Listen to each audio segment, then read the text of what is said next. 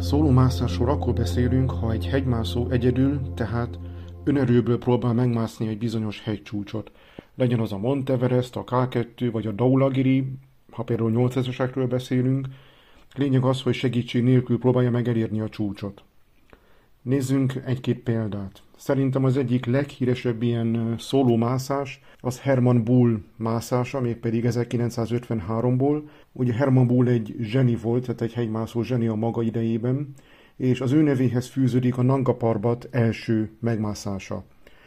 Ez 1953. július 3-án történt, amikor is Herman Bull első emberként érte el a 8125 méter magas Nanga Parbat csúcsát, tehát ez ugye egy nagyon híres 8000-es. Hajnal fél három körül indult el a 6900 méteren található ötös táborból a csúcstámadásra. Ugye csúcstámadásnak, csúcstámadásnak azt nevezzük, amikor a hegymászó a legfelső táborból megindul a csúcsra. Mindezt egyedül tette meg, és pótolagos oxigén használata nélkül, de azt hozzá kell tennünk, hogy bárhogy pervitint vett be. A pervitin valójában nem más, mint metamfetamin, azaz drog, amit már a második világháborúban is használtak. A csúcsot mm, utolsó erejével ért el, tehát teljesen kimerült, ráadásul ez este történt, olyan 19 óra körül, és mivel nagyon sokan kérkedtek benne, hogy elérte a csúcsot, és már eleve kérkedtek, hogy egyáltalán meg tudja csinálni ezt a mászást, ezért, hogy bizonyítsa, hogy elérte a csúcsot, fent hagyta a jégcsákányát és a pakisztáni zászlót de közben besötétedett, ezért bivakolnia kellett. A bivak ugyebár azt jelenti, hogy a szabad ég alatt töltötte az éjszakát, viszont nem volt nála semmilyen felszerelés. És az maga, hogy ő túlélte ezt a bivakot 8000 méter fölött, csak annak köszönhető, hogy az időjárás különösen kedvező volt. Sajnos két lábúján fagyási sérülések keretkeztek, Halucinációk gyötörték, és a lefelé vezető út nagy része még előtte volt, azért azt ne felejtsük el. 41 óra elteltével ért le teljesen kimerülve és kiszáradva, miután nem volt nála már élelem meg víz, az ötös táborba, és innen önerőből ment le az alaptáborba, ahol sajnos kiderült, hogy két lábúját nem lehet megmenteni, és amputálni kell. 1957. júniusában Bull a Broad Peak közelében található Csogolisza nevű hegyet próbálta megmászni. Ugye a Broad Peak az 8051 méter magas, a Csogolisza nevezetű hegy pedig 7654 méter, és ennek a mászásnak a során sajnos hóviharba került, valószínűleg elvesztette a tájékozódó képességét, túl közel ment egy hóparakány széléhez, amely a súlya leszakadt, ő pedig sajnos lezuhant és életét vesztette.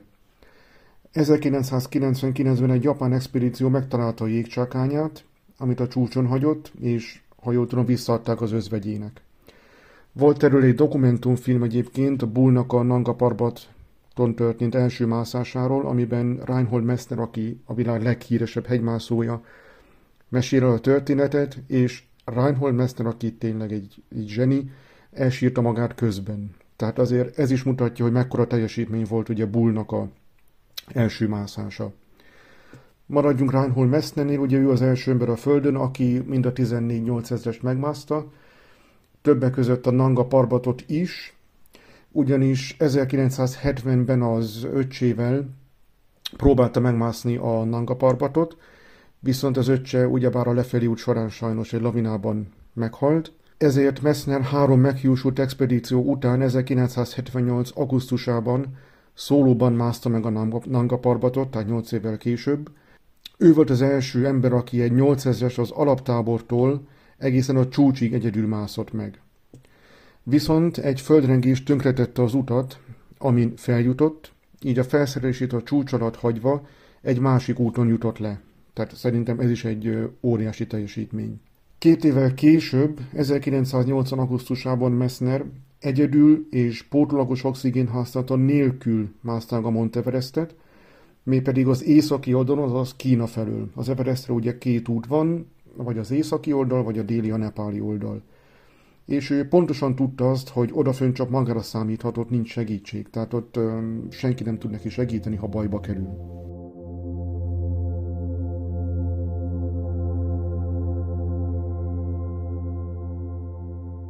Kereskedelmi expedíciók lényege, hogy az úgynevezett Gletscher doktorok, tehát azok a serpák, akik az életüket kockáztatják igazából, képítik az utat, rögzítik a létrákat és a köteleket, például a Monteveresten. Az egyik nagyon jó nepáli ismerősöm, mondhatom, hogy nepáli barátom, Csirin Serpa, akivel 2018-ban együtt voltunk a Langtang Helambu régióban túrázni. A 2019-es szezonban ugye dolgozott, mint Gletscher doktor, ugyanis nem minden évben ugyanazok a serpák mennek. Sajnos az idei szezonban, tehát 2023-ban is három serpa életét vesztette az Everesten a kötérögzítés közben. Majd megérkeznek ugye a kliensek, a kliensek ugye bár a különböző társaságoknak az ügyfelei, akik ugye az Everestre és az ilyen 8000-esekre szerveznek expedíciókat, és ők, ugye a kliensek pótolagos oxigén használatával és serpák segítségével érik el a csúcsot, tehát nem egyedül, nem önerőből. Náluk ugyebár az oxigén az az életbiztosítás, tehát az oxigén palack, a pótolagos oxigén, valamint kiépített táborok vannak. Tehát például van ugye az alaptábor, a Monteveresten ez ugyebár 5364 méteren van, illetve az 1-es, 2-es, 3-as és 4-es tábor, és a különböző táborok között mozognak a mászók. Ugyanis egy mászás nem úgy történik, hogy elindulnak az alaptáborból, és akkor 1-es, 2-es, 3-as, hanem van, hogy vissza kell jönniük. Ugyebár ez mind az aklimatizáció szempontjából nagyon fontos. Tehát lehet, hogy egy-két éjszakát eltöltenek a 2-es, 3-as táborban, és visszajönnek az alaptáborba például aludni. Ezért egy ilyen Everest expedíció kb. 60 napig tart, de ugyebár ezt már lassan már le lehet rövidíteni, ugyanis vannak olyan ügyfelek, akik az utazás előtt, tehát az expedíció előtt, ők mondják, hogy nem érek rá, én akklimatizációra, holott az a magashegyi túrázásnál, tehát 4000 méter fölött ugye már alapvetően nagyon fontos, ezért ők már az utazás megkezdése előtt úgynevezett hipoxiás sátorban alszanak, tehát próbálják a szervezetüket hozzászoktatni a magassághoz, illetve hát a ritkább levegőhöz. Így egy expedíciót igazából három hét alatt le lehet tudni. A kereskedelmi expedíció kliensei nyilván oxigént használnak, tehát porológus oxigén használatával próbálják megelérni a csúcsot, ezen kívül ugyebár a serpák segítségét is igénybe veszik, ami sokkal nagyobb kihívás, hogy az az oxigén nélküli mászás. Reinhold Messner és Péter Haber voltak az elsők a világon, akik 1978. május 8-án pótolagos oxigén használata nélkül érték el a Monteverest csúcsát, ugye az 8848 méter és 86 cm, mi pedig a déli oldalról, azaz Nepál felől. Az expedíció vezetője Wolfgang Nairz volt, professzor Wolfgang Nairz, az expedíciót pedig két orvos kísérte. Az egyik orvos Oswald Bulle Ölc volt, Bulle ez a beceneve, egy előadáson elmondta, hogy ő sem emlékszik rá, hogy honnan kapta ezt a becenevet, így emlegetik a baráta és a hegymászó társai. Ölc is maga hegymászó, a magas hegyi betegség kutatója, illetve specialistája. 1978-ban ugyebár saját maga is megmászta az Everestet, mikor ugyebár Messner és Habler oxigén nélkül, ő viszont oxigénpalack használatával jutott fel a csúcsra. Előtte nagyon sokan azt mondták, hogy ez lehetetlen küldetés, tehát az Everestet például nem lehet pótlagos oxigén használata nélkül megmászni. Ha le is jönnek, ugye Messner és Habeler, akkor zombiként jönnek le, károsodik az egészségük, mert hogy ezt egy emberi szervezet nem képes elviselni. Egyébként az oxigénpalack használata nélküli mászást rengeteg tényező befolyásolja, ezek lehetnek belső tényezők, például ugye szervi, biológiai, fizikai tényezők, pszichés adottságok, edzettség, állóképesség, a vér oxigén szállító képessége, tehát magyarul a maga a mászó teste, illetve lehetnek külső tényezők, például ugye a mászási körülmények, a mászási előzmények, mennyire fáradt a mászó, mennyi energiája van, időjárás, lavinák, bármi, ferszeverés, tehát ezek a különböző tényezők ugye mind befolyásolják az oxigén nélküli mászást. A mászásoknak körül 2%-a történik oxigénpalack használata nélkül, a többi mászás során a mászók biztos, hogy használnak pótolagos oxigént. A tiszta mászás fogalma azt jelenti, hogy a hegymászó egyedül pótolagos oxigén használata és teherhordók, például az Everesten serpák, segítsége nélkül vág neki a mászásnak. Tehát ez azt jelenti, hogy nincsenek kiépített táborok, a mászó maga cipeli a felszerelését, csak rögzített köteleket használja. Ugye a köteleket a serpát, a Gletscher doktorok, illetve a létrákat rögzíti például az Everestem. De mivel csak egy kötél van ugyebár, ezen mennek föl és le a mászók. Tehát valaki éppen csúcstámadásban van, de az előző csoport akkor jön lefelé. Ebből adódnak ugyebár a problémák. Pláne azért, mert Nepál rengeteg mászóengedélyt adott ki, például 2023-ban rekordszámú mászóengedélyt, de már az előző években is, ugye vannak erről a híres és mindenhol látható az interneten elterjedt képek, amikor úgymond dugó alakul ki az Everesten a halálzónában, és ezért nagyon hát többen is meghalnak. Ugyanis a lényeg az, hogy a kliensek, akik mondjuk nem olyan profik, azok feltartják a profikat is, mert hogy egy kötél van, tehát nem tudod az embereket kikerülni, tehát nem lehet más úton haladni. Nyilván előbb-utóbb a palack is kifogy, tehát kifogy az oxigén, de pótolagos oxigén használata nélkül nem lehet sokáig bírni a halálzónában sajnos. A 8000-es hegyekkel, illetve elsősorban a Monteverest-tel kapcsolatban elég gyakran halljuk azt a szót, azt a kifejezést, hogy halálzóna. Ezt a kifejezést először egy svájci orvos, akit úgy hívtak, hogy Eduard Wies Dunant használta, mégpedig 1952-ben, tehát a 20. század közepe felé. Itt ugye arról van szó, hogy a tengerszint feletti magasság növekedésével, magyarán szóval minél magasabbra megyünk, akkor a légköri nyomás a magassággal exponenciális arányban csökken. Tehát a levegő ritkábbá válik, azaz az ugyanolyan térfogatú levegőben lévő gázok mennyisége kisebb. Emiatt az oxigén nyomása is ugye a magassággal exponenciális arányban csökken. Miközben a százalékos aránya, tehát az oxigén százalékos aránya változatlanul kb. 21 százalék körül mozog, ez kb. 100 km tengerszint feletti magasságig igaz. Tehát ugyanolyan térfogatú magaslati levegőben kevesebb és kisebb nyomású oxigén van. Hasonlítsuk össze ezt az értéket a tengerszinten, például a Monteverest alaptáborával. Ugye a Monteverest alaptábora 5364 méteren található, ott ez a nyomás már csak a fele a tengerszinten mért nyomásnak. Míg a Monteverest csúcsán, tehát 8848 méteren, itt már csak a harmada. Na most, amikor az oxigén parciális nyomása lecsökken, akkor a megfelelő oxigén ellátás érdekében a szervezet megpróbál alkalmazkodni. Ez ahhoz vezet, hogy szaporább lesz a légzés, Nyilván ennek az a célja, hogy több levegő és oxigén jusson a tüdőkbe, miután létfontosságú. Felgyorsul a szívműködés, tehát gyorsabban ver a szívünk, mégpedig azért, hogy az oxigénnel kevésbé telített vért gyorsabban áramoltassa a szív a tüdők és a test többi része között. Kitágulnak az erek, és a nem alapvető testfunkciók, tehát életfunkciók, azok háttérbe szorulnak. Az emésztés hatékonysága csökken, egyébként úgy is mondhatjuk, hogy az emésztés egy idő után teljesen leáll. A halálzónához ugye az emberi szervezet a mai ismereteink alapján nem képes alkalmazkodni, ugyanis röviden összefoglalva a test gyorsabban éli fel az oxigén tartalékait, mint ahogy azt a levegőből pótolni tudja. Ezt a magassági zónát egyesek 8000 méteres magasságtól számítják, még mások azt mondják, hogy ez már alacsonyabb szinten elkezdődik, tehát 7500 méter körül, de olyat is olvastam már valamelyik tudományos cikkben, hogy valaki azt mondja, hogy már az Everest alaptábora fölött, tehát 5400-5500 méteren már megkezdődik a halálzóna.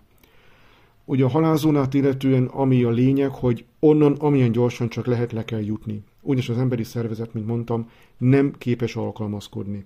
Az Everesten például a négyes tábor, az a legfelső tábor, az 7950 méter körül van, ott szokták négyes tábort felállítani. Innen indul a csúcs támadás, viszont innen amilyen hamar csak lehet le kell jutni.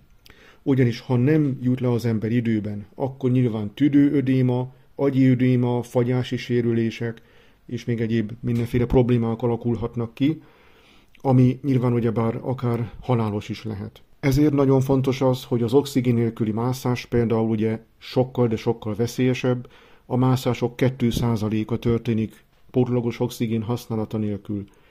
Ehhez jön az a probléma, hogy Nepál például rengeteg mászongedélyt adott ki, például idén is, 2023-ban, emiatt dugó alakult ki ugyebár a csúcstámadás során, ami nyilván ahhoz vezet, hogy az emberek órákat töltenek el a halálzónában, ami ugye már annál rosszabb, minél többet töltenek fönt.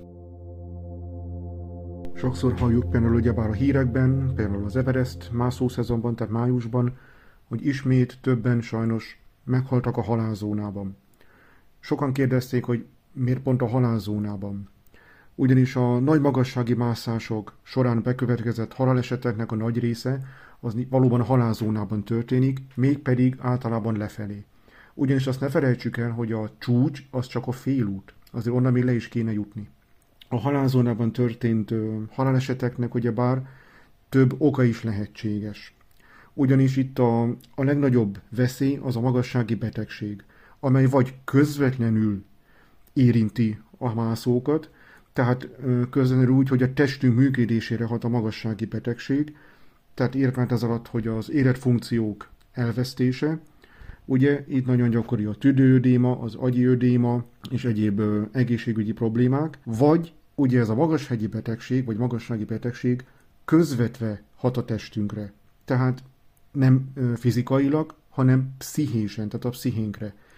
Például ugyebár az emberek elfáradnak, romlik a koncentráció, rossz döntést hoznak, és ehhez jönnek még ugyebár egyéb külső körülmények, egyéb külső tényezők, ami a magas hegyekben ugyebár veszélyt jelenthet. Ilyenek például a széllökések, szélvihar, hóvihar, az, a gyorsan változó időjárás, jöhet egy váratlan vihar, a szélsőséges alacsony hőmérséklet, ugyebár itt a mínusz 30-40 fok sem ritka, sajnos, a rossz terepviszonyok, ugye már fényviszonyok, lemerül a fejlámpa, sötétedik, későn érnek fel a csúcsra, de még el akarom érni a csúcsot, Nyilván ezekből történnek ugye a balesetek, például a kicsúszás, eltévedés, mert nem látják az utat, például kihűlés, egyszerű kimerültség, fagyás, fagyási sérülések, hóvakság, meg egyéb ugye egészségügyi problémák.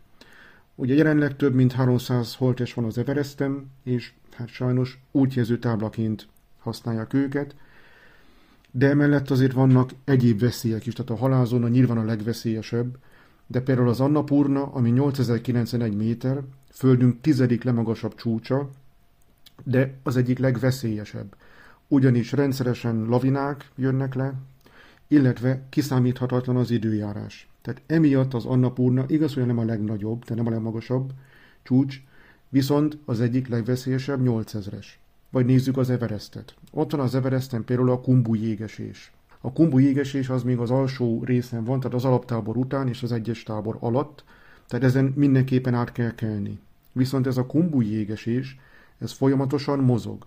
Tehát ez azt jelenti, hogy átlagban napi egy métert halad, tehát csúszik lefelé. Ezért amilyen korán csak lehet, át kell rajta kelni, tehát ezért kell ugyebár korán indulni, mert a fagy addig ugye összetartja ez a jégesést, tehát a jeget. Ehhez jönnek még például a szerakok. A szerakok azok óriási jégtömbök, amelyek ugyebár bizonyos időközönként leszakadnak. Most ezek a szerakok lehetnek akkorák, mint egy autó, vagy mint egy autóbusz, de lehet akkor is, mint egy háztömb. Nagyon sokan kérdezik, illetve nem értik, hogy miért nem hozzák le a holtesteket például az Everestről. Ennek nagyon sok oka van. Egyik ugyebár az, hogy ebből a magasságból, tehát 8000 méter fölött, például a halálzónából nagyon nehéz egy holttestet lehozni. Ugyanis még a tapasztalt és jól felszerelt mászók sem vehetik biztosra, hogy lejutnak. Vagy például a serpák, akik tényleg profik, azért ők sem biztos, és volt olyan, hogy egy holtest lehozatala közben hunytak el például ketten. Valamint ugye már a költségeket is meg kell említenünk, mert például forintban nézve egy ilyen expedíció esetében kb. 15 és 30 millió forint között van az az összeg, amit ki kellene fizetni egy holtes lehozataláért. Azért egy ilyen összeget még nagyon kevesen engedhetik meg maguknak, még akkor is, ha tudjuk, hogy hol van a holtest, tehát ismerik a holtestnek a pontos helyzetét, illetve pozícióját. Valamint vannak olyan testek is, olyan holtestek, amelyeket ugyebár lehetetlen lenne lehozni, vagy lehetetlen lehozni, vagy azért, mert vastag hó és jégréteg fedi, vagy pedig azért, mert olyan területen találhatóak, amelyeket nehéz, vagy egyszerűen lehetetlen megközelíteni. Az is előfordulhat, hogy azt sem tudják, hol van a holtest. Tehát így nyilván nem tudják megkeresni. Ezen kívül vannak mászók, akik maguk kérik, még ugye a mászás előtt, hogy ne hozzák le a testüket, ha meghalnának, Illetve vannak olyan esetek is, ugyebár ilyet is hallottunk, amikor a család kérésére nem hozzák le a holttestet. Nemrég olvastam erről egy cikket, amiben ugye az Everest halottairól van szó. Ugye ott azt írták, hogy hát van úgy, hogy nemes egyszerűséggel odébb teszik őket, tehát hogy ne legyenek útban, röviden, tömören, vagy azért ne legyenek szem előtt, mert hát nem egy biztató látvány a mászóknak, akik ugye a csúcs támadásban vannak éppen, de van, amikor például egy zászlóval ugye kegyeletből letakarják. Sajnos nem minden helymászó tér vissza a különböző 8000-es expedíciókról, így van ez a Monteverest esetében is. Az Everesten jelenleg, tehát napjainkban több mint 300 holtest található, ugyanis ezeket vagy lehetetlen lehozni, vagy nagyon nehéz lenne, vagy nagyon sokba kerülne, ezért meg sem kísérlik. Azért említsünk meg néhányat az Everest híres halottai közül. Az egyik ilyen áldozat Hannelore Schmatz. Hannelore Schmatz egy német hegymászónő volt, aki a férjével Gerharddal hódította meg a csúcsot. A mászás utolsó, utolsó szakaszában két csoportra váltak szét, Gerhard sikeresen feljutott, majd visszatért a hármas táborba. Figyelmeztette a feleségét, aki ugyancsak egy tapasztalt helymászó volt, hogy nagyon rosszak az időjárási viszonyok. Ennek ellenére Hannelura úgy döntött, hogy egy csapattal egy nappal később elindul a déli a csúcs felé. Sikeresen elérték a csúcsot, de sajnos ereszkedés közben már bajba kerültek. A serpák tanácsa ellenére bivakoltak, tehát a szabad ég alatt töltötték az éjszakát, mindezt 8000 méter fölött, tehát a halálzónában. Ez azt jelenti, hogy egy kis menedékhelyet alakítottak ki, hova behúzódtak, viszont itt ebben a kis menedékben a mászótársa, az egyik mászótársa, egy amerikai Régenet nevű mászó, még az éjjel meghalt. Hannelór elindult lefelé, de útközben 8300 méteren megadta magát a fáradtságnak, leült és vizet kért. Sajnos itt a helyszínen megfagyott, tehát az egy 8000 méter fölött megfagyott, ürőteste éveken át a hegyen maradt, és ami a legbizarrabb szerintem a történetben, hogy a haját még egy ideig fújta a szél. 1984-ben ketten megpróbálták lehozni, mert pedig két serpa, ugye a holtestét, de sajnos ők is lezuhantak és meghaltak. Egy másik nagyon híres halott, ugye, aki az Everesten található azóta is, tehát a holteste, az Rob Hall, aki 1996-ban vezetett expedíciót az Everestre, sikeresen érte a csúcsot, ám visszafelé haladva találkozott csoportja egyik tagjával, aki még fölfelé haladt, és mivel egy korábbi expedíció során a férfi már fel kellett, hogy adja a csúcstámadást, ezért Hall úgy, Hall úgy döntött, hogy mindenképpen feljutatja mászótársát a csúcsra. Egyébként fel is értek, de a borzalmas időjárási körülmények miatt lefelé nehézségeik támadtak, és sajnos hiába hívtak segítséget, mindketten meghaltak. Mint említettem, Rob Hall holteste a mai napig az Everesten található. Ugyancsak 96-ban történt az következő eset, amikor is Scott Fisher vezetett egy expedíciót. Az expedíció tagjaival feljutott a csúcsra, de a nehézségek, illetve egy előző nap érezkedéssel járó mentés miatt nagyon kifáradt, tehát teljesen kimerült. Serpákat küldött előre, segítséget kért, de sajnos így sem tudták megmenteni. Holteste a mai napig letakarva fekszik a hegyen, tehát az Everesten. Talán a leghíresebb, vagy a legismertebb áldozata a hegynek, mondjuk így, Green Boots, azaz zöld csizma. Nem teljesen tisztázott, hogy ki is volt ő valójában. Nagyon valószínű, hogy az indiai mászóról, Cevang Paljorról van szó. A holteste 8500 méteren feküdt 18 éven keresztül, a történet lényeg az, hogy 1996. május 10-én az északi oldalról, tehát Tibet felől indultak el hárman a csúcsra. Rádió még azt jelentették, hogy elérték a csúcsot, de valószínűleg nem a főcsúcsot érték el. Ezt a mai napig nem tudjuk pontosan. A lényeg az sajnos, hogy ereszkedés közben életüket vesztették, mégpedig mind a hárman. A Toklapasz az ugyebár az Everest alaptávra vezető út mellett található, és itt a Toklapasz, tehát a Tokla hágó mellett találhatóak az Everest áldozatának az emlékművei.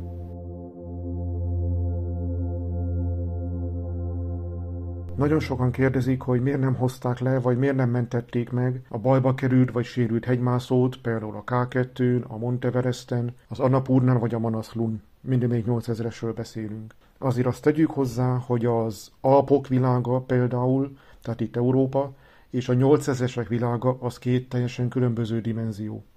Itt az Alpokban ugye van a 140-es telefonszám, ez a hegyi mentők telefonszáma, aki bajba kerül, megsérül, felhívja, vagy földi úton, vagy helikopterrel, jön a segítség, és akkor ellátják a sérültet, vagy lehozzák, vagy adott esetben lekísérik. Attól függ, hogy miről van szó.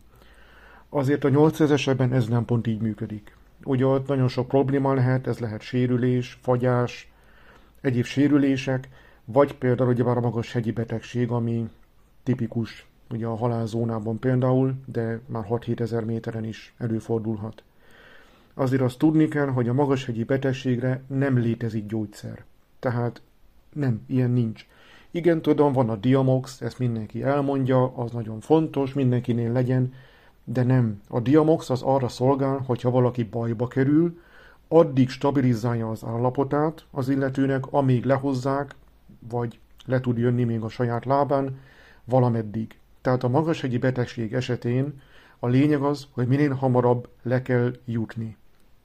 Nyilván, ha ez, ez nem működik, nem tud lejutni, vagy nem tudják lehozni, akkor egy bizonyos magasságig szóba jöhet a helikopteres mentés. Én láttam helikopteres mentést testközelből, még pedig 2017 novemberében a Macsapucsára Basecamp alatt, ez az Annapurna alaptábor alatt van valamennyivel.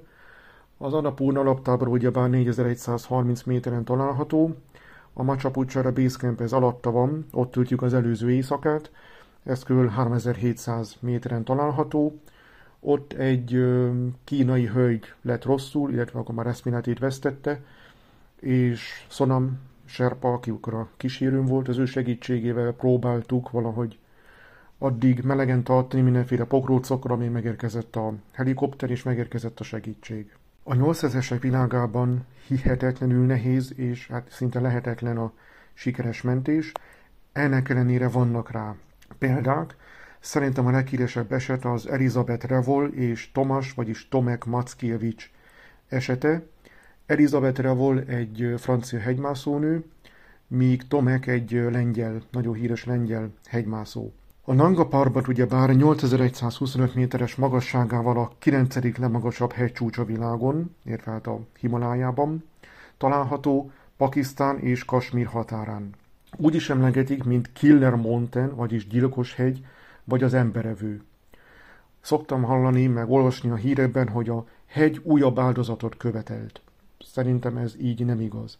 A hegy nem követelt semmit. A hegy ott van, mert a természet megalkotta, illetve odaalkotta. Egyébként a Nanga Parbatot nehezebb megmászni, mint az Everestet. 2016. februárában Alex Chikon, Simone Moro és Muhammad Ali Sadpara jutott fel rá, a csapatnak volt a negyedik tagja is, a déltörölői Tamara Lunger, aki sajnos 70 méterrel a csúcs kénytelen volt visszafordulni. Eli, tehát Elizabeth Revol és Tomek, tehát a híres lengyel hegymászó, serpák, valamint pótlagos oxigén, fix kötelek és előre kiépített táborok nélkül mászott.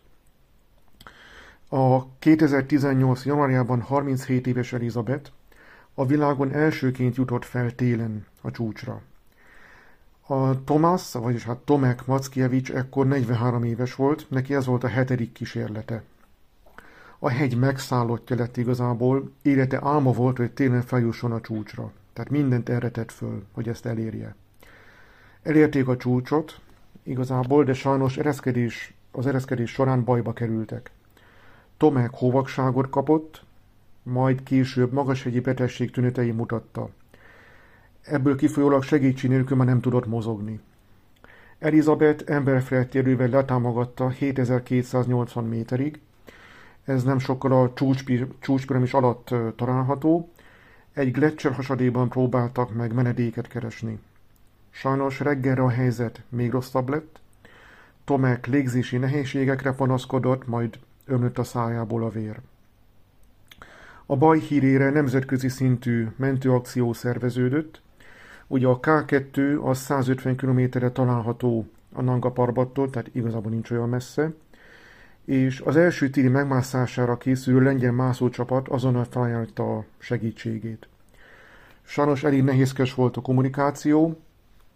Elinek azt az üzenetet küldték, Elizabethnek, hogy ha le tud ereszkedni 6000 méterig, onnan le tudják segíteni, Tomeket pedig lehozzák helikopterre 7200 méterről.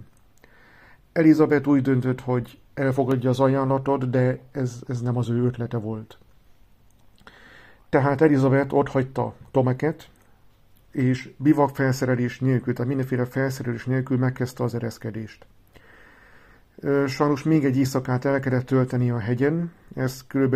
6670 méteres magasságban, mégpedig úgy, hogy a rajta lévő ruhán kívül semmivel nem tudott védekezni a hideg ellen, nem volt nála sátor, sem bivak felszerelés, nem volt nála sem enni, sem innivaló. Így indult el lefelé.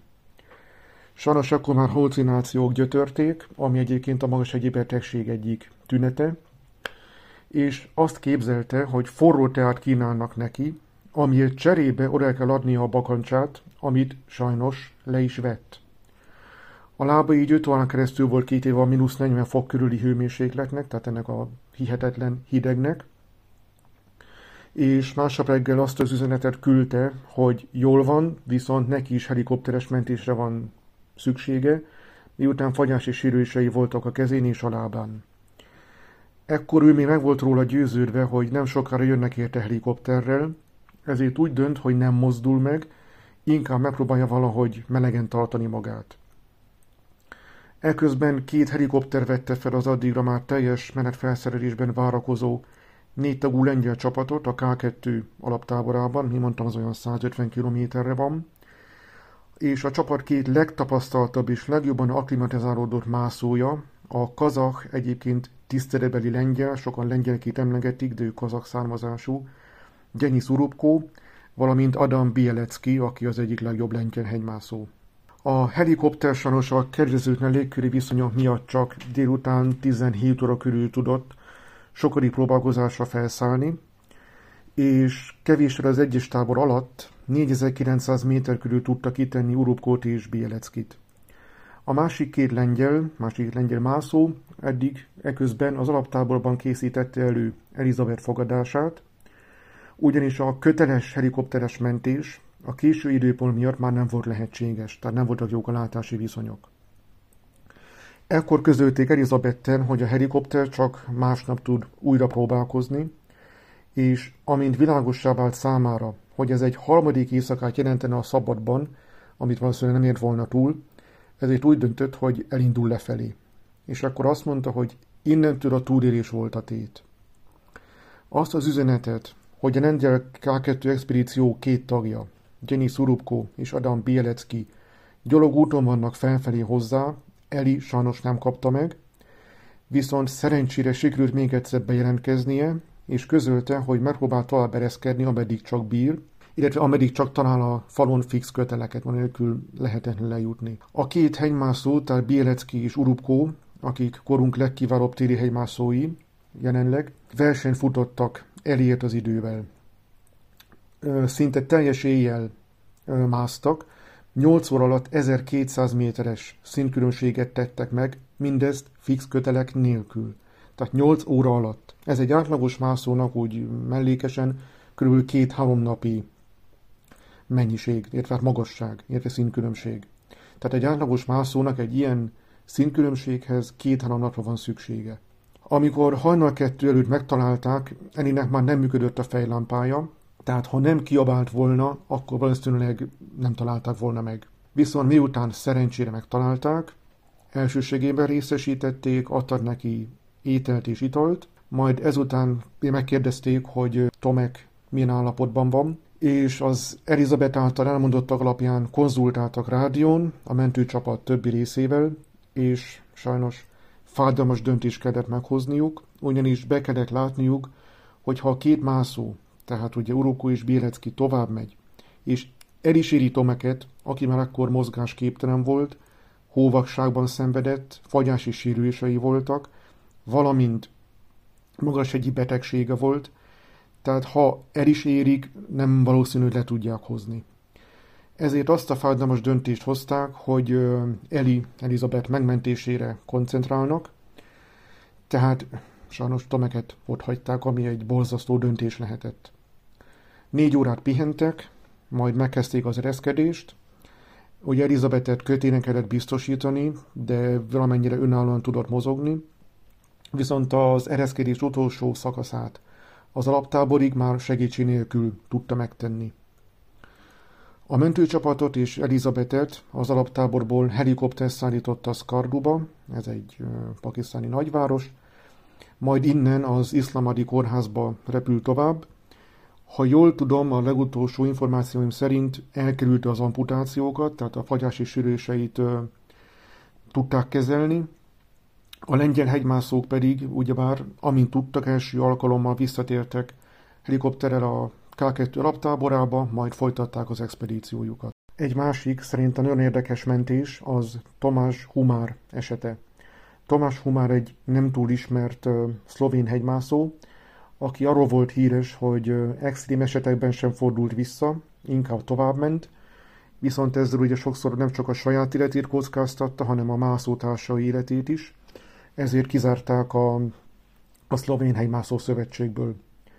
Már 2003-ban megpróbált egyszer megmászni a Nanga Parbatot, de az időjárás és különböző egészségügyi problémák miatt ez sajnos nem sikerült neki. Viszont 2005 nyarán visszatért, és új úton akarta megmászni a Rupál falat, az úgynevezett Rupál falat, amely egy 4700 méter magas sziklafal, a világ legmagasabb fala, extrém veszélyes és nagyon nehéz. Reinhold Messner, ugye, aki a világ egyik leghíresebb, sőt a világ leghíresebb hegymászója, ő azt mondta, hogy szerinte ezerből egy ember képes ezt a falat megmászni. Thomas esetében az időjárás viszonylag rossz volt, de ő megpróbált egyedül minél magasabbra jutni. Sajnos a mászás során az időjárás még rosszabbra fordult, így Tamás 6000 méter magasan rekedt. 48 órán keresztül folyamatosan esett a hó, kb. 5-10 percenként zúdultak le a lavinák, és a mászónál sajnos csak néhány jégcsavar és egy kötél volt. Ebből kifolyólag sem lefelé, sem fölfelé nem tudott menni, ezért nem volt más választása, és segélyhívást adott le. Később lejjebb tudott menni valamivel, lejjebb, 6000 méterről 5900 méterre, innen végképp nem jutott tovább, ezért beásta magát egy hóballangba. Összesen tíz napot töltött a hegyen, tíz napot, melynek során ugyebár teljesen kimerült. Egy pakisztáni katonai helikopterről engedtek le neki kötelet, mert hogy minden megtettek, hogy valahogy megmentsék. Ezt a kötelet ugye be tudta akasztani szerencsére, viszont a saját két karabinerét már nem tudta kiakasztani. Valószínűleg már lefagyottak, lefagytak az ujjai, nem érezte, nem tudta mozgatni ezért félő volt, hogy a helikopter neki csapódik a sziklafalnak. Mondjuk úgy szerencsére elszakadt a biztosító kötele, de a pakisztáni hadsereg ugye nem túl rutinos az ilyen mentésekben, és a mentés során rugalmas kötelet használtak. Ezáltal ugye Tamás majdnem neki csapodott a helikopternek, amely a megmentésére jött, de szerencsére végül is sikerült megmenteni, igaz, hogy teljesen kimerült, Fagyás és sérülései voltak, de, de túlélte az esetet. Négy évvel később viszont sajnos már nem tudtak neki időben segíteni, akkor már nem volt ilyen szerencséje. Akkor ugyebár Nepálban a 7227 méter magas Langta Virungot szerette volna megmászni, itt került bajba. Egy szlovén barátját értesítette, a nepáliak meg is próbáltak segíteni neki, de a mentési kísérletek többször is megpróbálták, az erős havazás és a lajna veszély miatt sajnos nem jártak sikerrel. Svájcból is érkezett egy háromfős mentőcsapat, de a nepáli bürokrácia miatt sajnos túl sok időt veszítettek, így Tomást sajnos nem tudta megmenteni, hanem már csak a holtestét tudták lehozni a hegyről. Szerintem nagyon érdekes mentés Carlos Soira esete is. Carlos ugyebár egy 1939-ben született spanyol hegymászó, aki a legidősebb ember szeretne lenni a világon, aki mind a 14 8000-es csúcsot megmászta. Kettő hiányzik még neki, a 8167 méter magas Daulagiri, amely Nepálban található, és a Sisapangma, amely 8027 méter magas, és Kínában van egyébként. Carlos egy kis spanyol faluban él, 80 éves elmúlt, de még mindig keményen edz. 1990-ben 51 évesen mászta meg a Nanga Parbatot, a Monteverest csúcsán pedig 2001-ben állt. 2014-ben majdnem meghalt a 8580 méter magas Kanchenjungam. A rossz időjárás miatt ugyanis 300 méterrel a csúcs alatt visszafordult a serpájával, viszont 11 mászó ekkor tovább ment, sajnos közülük öten életüket vesztették. 2015-ben a Manasztú megmászása után hetekig Nepálban maradt, hogy segítsen az embereknek a súlyos földrengés után, ugyanis Nepált 2005, 2015 áprilisában nagyon súlyos földrengés rázta meg. Létrehozott egy alapítványt is, amely több iskolát is újjáépített, ebből egyet Szamagaonban, amely a Manaszlú lábánál található. Én idén ősszel tervezem a Manaszlú megkerülését, és keresztül fogok haladni majd Szamagaon településen, tehát szeretném megnézni majd ezt az iskolát. Egyébként Carlos azért is szimpatikus nekem, mert jó magam is támogatok egy osztrák alapítványt, amely Nepál legszegényebb régióiban épít iskolákat, és támogatja, illetve segíti a gyerekeket. A Sisapangman egyébként 2005-ben elérte a középső csúcsot, ami 8008 méter magas, de 19 méterrel alacsonyabb, mint a főcsúcs. Sikeres mászásként azonban csak a főcsúcsot fogadják el, tehát a középső csúcs a 8800 méterével nem számít sikeres mászásnak. A Daulagirin, ami ugyebár 8167 méter magas, többször is próbálkozott, egészen pontosan 13 alkalommal, tehát nem igazán könnyen adja fel, és 2017 őszén egészen 8050 méterig jutott, jutottak, illetve viszont itt vissza kellett fordulniuk, mert a csúcsrégióban nem tudtak tájékozódni és eltéredtek. Mire észrevették a hibát, sajnos az időjárás nagyon rosszra fordult, így nem volt idő korrigálni, tehát nem tudtak újra próbálkozni. 2022-ben a hármas táborig jutottak, ami a 7400 méter körül található. 2023 májusában 14. alkalommal futott neki, tehát ismét megpróbálta meghódítani a csúcsot. Ekkor ugye a barátja Szitó Karkevia, ha jól emlékszem, és öt serpa kísérte, tehát viszonylag nagy volt a csapat az öt serpa. A csúcstámadás során egészen 7700 méteres magasságig jutottak, itt azonban kicsúszott és rázuhant egy felette mászó serpa, ezért Szoriának eltört a sípcsontja sajnos.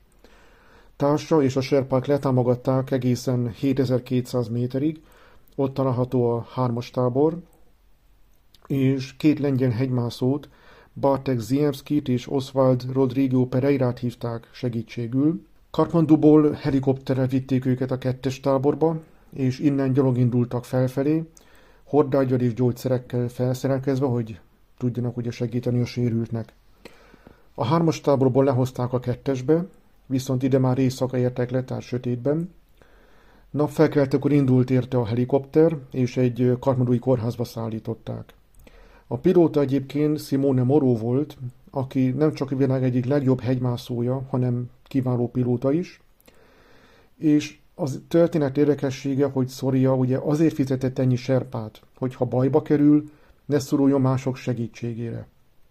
Viszont a magashegyi mentés nehézségeit mutatja az a tény is, hogy ezúttal sajnos öt serpa is kevés volt a mentéshez. Viszont a lengyelekre szerencsére most is lehetett számítani, mert hogy a lengyelek most is segítettek, nem ez volt az első eset, hogy lengyelek segítettek egy 8000-es mentés során. Egyébként a hármas táborból együtt indultak, két, ennyit indult még két más ügynökség csapatai, akik elérték a csúcsot, és lefelé jövet nem segítettek a sérültnek. A 8000-eseken történő mentések közül egy nagyon ritka kivétel Gerje Serpa esete.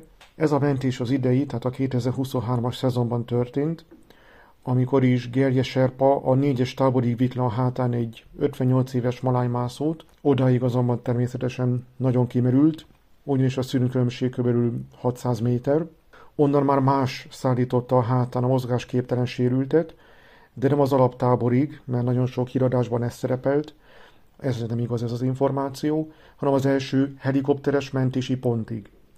Egyébként Gellies Serpa több mint 55 mentésben vett részt, de elmondása szerint ez volt a legnehezebb.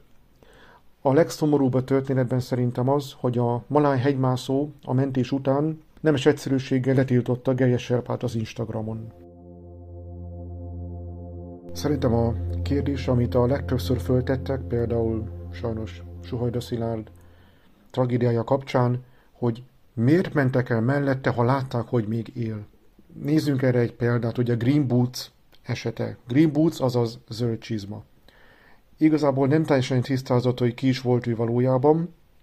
Valószínűleg az indiai mászó Cevang Palyorról van szó, akinek a holtteste 8500 méteren feküdt egészen 18 évig.